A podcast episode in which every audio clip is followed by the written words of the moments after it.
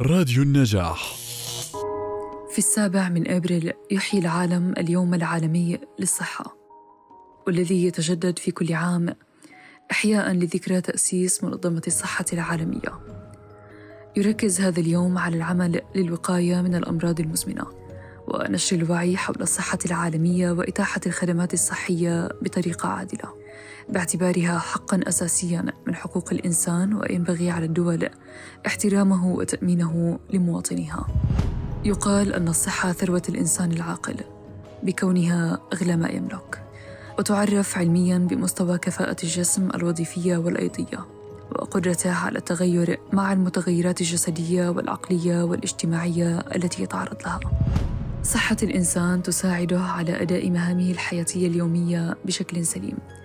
ولذلك إليكم أبرز النصائح التي تساعد في الحفاظ على الصحة. اتباع النظم الغذائية الصحية. ممارسة الرياضة. النوم لمدة كافية. الابتعاد عن العادات السيئة كالتدخين. الحفاظ على النظافة الشخصية. الحرص على أن تكون العلاقات الاجتماعية صحية وقائمة على الاحترام والتقدير. الحرص على الإيجابية والتفاؤل.